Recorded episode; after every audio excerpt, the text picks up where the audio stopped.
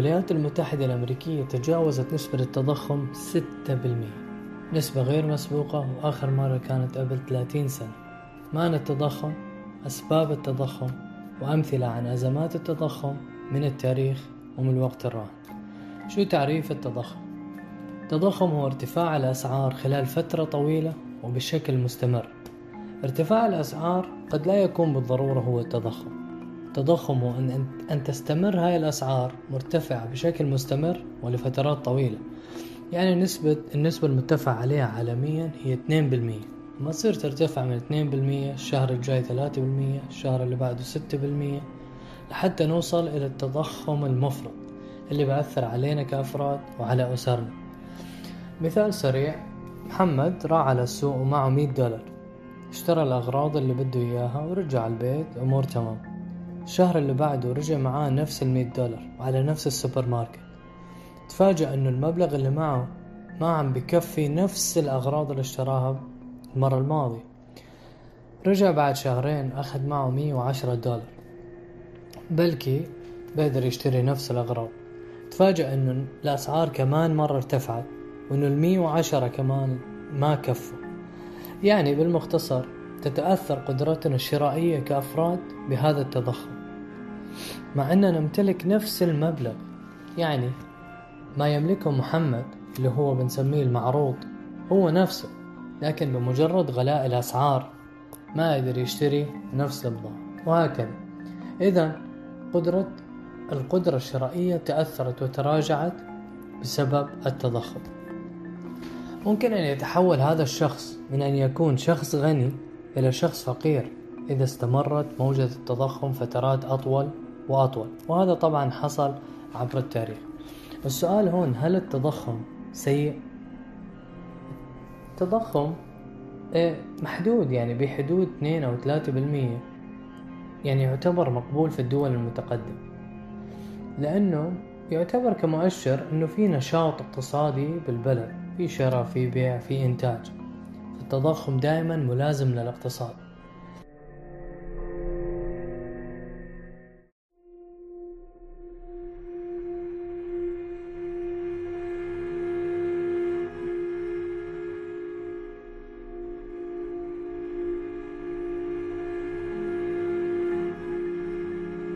مثل ما حكينا قبل شوي إنه نسبة التضخم بحدود 2 ل 3% في الدول المتقدمة يعتبر أمر مقبول. أما في الدول النامية وعلى رأسها دولنا العربية بتوصل نسبة التضخم من عشرة لخمسة عشر بالمية. طبعا هذا في أحسن الأحوال. تعتبر مستساغة نوعا ما بسبب الاقتصاد النامي تبع هاي الدول وباعتبارها دول مستوردة. لكن عندما تصل نسب التضخم إلى خمسين ومية بالمية تؤثر بشكل كبير جدا علينا كأفراد. وعلى أسرنا وعلى اقتصاد البلد شو أسباب التضخم؟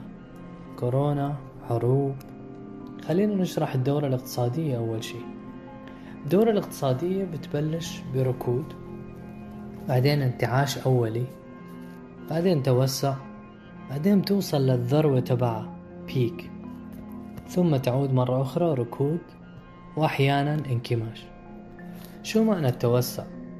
التوسع هو ارتفاع الطلب في هاي الأسواق سواء كان على السلع أو على الخدمات. ومجرد زيادة الطلب أو ارتفاعه ترتفع الأسعار شوي شوي لحد ما توصل لمستويات غير مقبولة مثل ما حكينا عنها ومجرد ما يقل الطلب الناس شافت الأسعار مرتفعة. يعني قل الطلب لأنه أنا ما بدي أشتري هيك أسعار ما بشتري هيك سلع بهيك أسعار. فشو بصير؟ بقل الإنتاج؟ المصانع بتسرح العمال أو بتفنش العمال؟ ببطل هذا الفرد اللي تفنش من شغله يشتري زي زمان يعني يفقد القدرة الشرائية؟ ومجرد فقدان القدرة الشرائية؟ بضاعة بتكون مكدسة في الماركت وبتقلل الأسعار ثم تبدأ مرحلة دوران عجلة الاقتصاد. شو هي أسباب التضخم؟ في ثلاث أسباب. على حد علمي.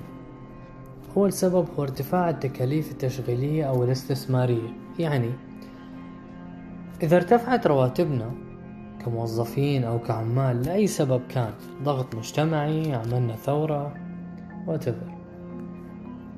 بنزود رواتبنا تضخ أموال إضافية في جيوبنا بنصير نشتري أكتر يعني بيزداد الطلب فبترتفع الأسعار. هذا سبب. السبب الثاني الطابع الطباعة على المكشوف.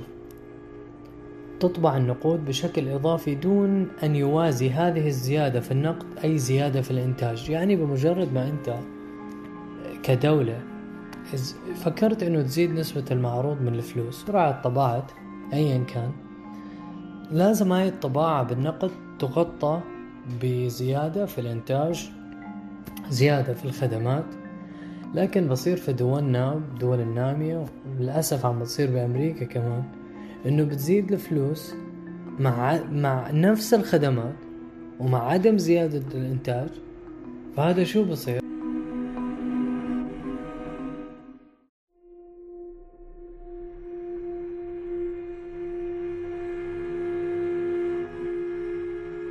خلونا نضرب مثال عندنا سلعة واحدة مقابل عشر مستهلكين وكلهم بدهم نفس السلعة.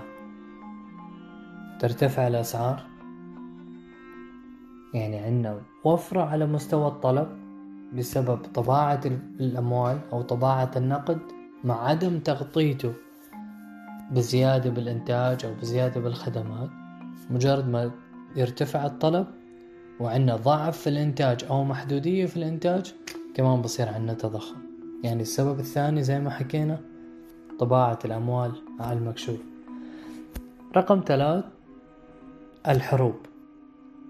بمجرد ما تصير حرب في دولة العالم تهرب اللي معه مصاري بسحبهم أو بحولهم على دولة تانية يعني بتنسحب الاستثمارات من الدولة أو من اقتصاد الدولة. تقل الخدمات أو بتكون السلع كثير محدودة مقابل عدد المستهلكين الكبير فبالتالي بترتفع الأسعار. يعني بالمختصر هو عرض وطلب. خلينا نحكي عن أزمات التضخم اللي سجلها التاريخ. ألمانيا.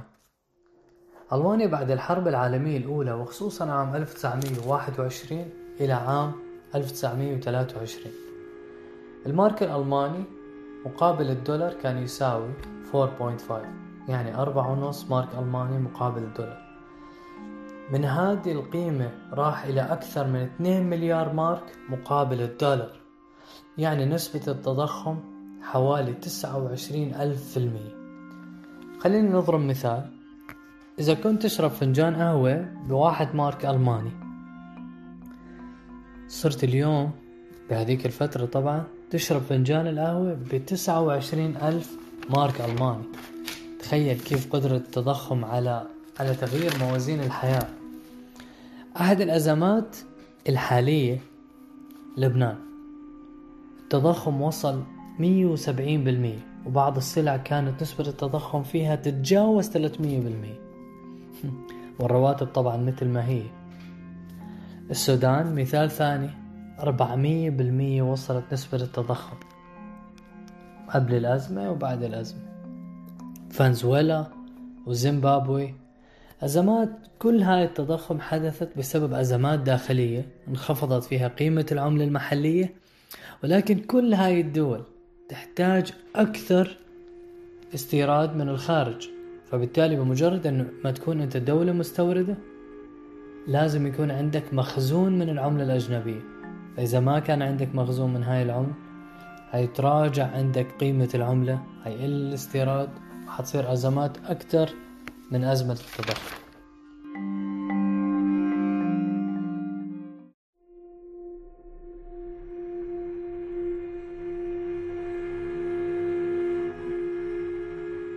بعد ما شرحنا أزمة التضخم ضربنا أمثلة عن ناس فجأة ممكن يتحول شقة عمرهم بالبنك لو ولا شي بسبب انخفاض قيمة العملة تبع البلد من الأسباب اللي حكيناها تضخم. بسبب حرب بسبب فساد. فساد بتمثل بطباعة حكومة أو دولة. نقد زيادة عن حاجة الاقتصاد بدون ما يكون مغطى بأي زيادة بالإنتاج أو زيادة بالخدمات. أو حتى انخفاض قيمة العملة نتيجة انخفاض المخزون الأجنبي. عن طريق كمان استنزافه في أماكن خارج استفادة اقتصاد هذا البلد كمان الفساد. لنقدر نتفادى هذا السيناريو. وما نحط مستقبلنا بإيدين دول وحكومات فاسدة. لازم نستثمر مصارينا. رح نحكي المرة الجاية عن الاستثمار. تصبح على خير.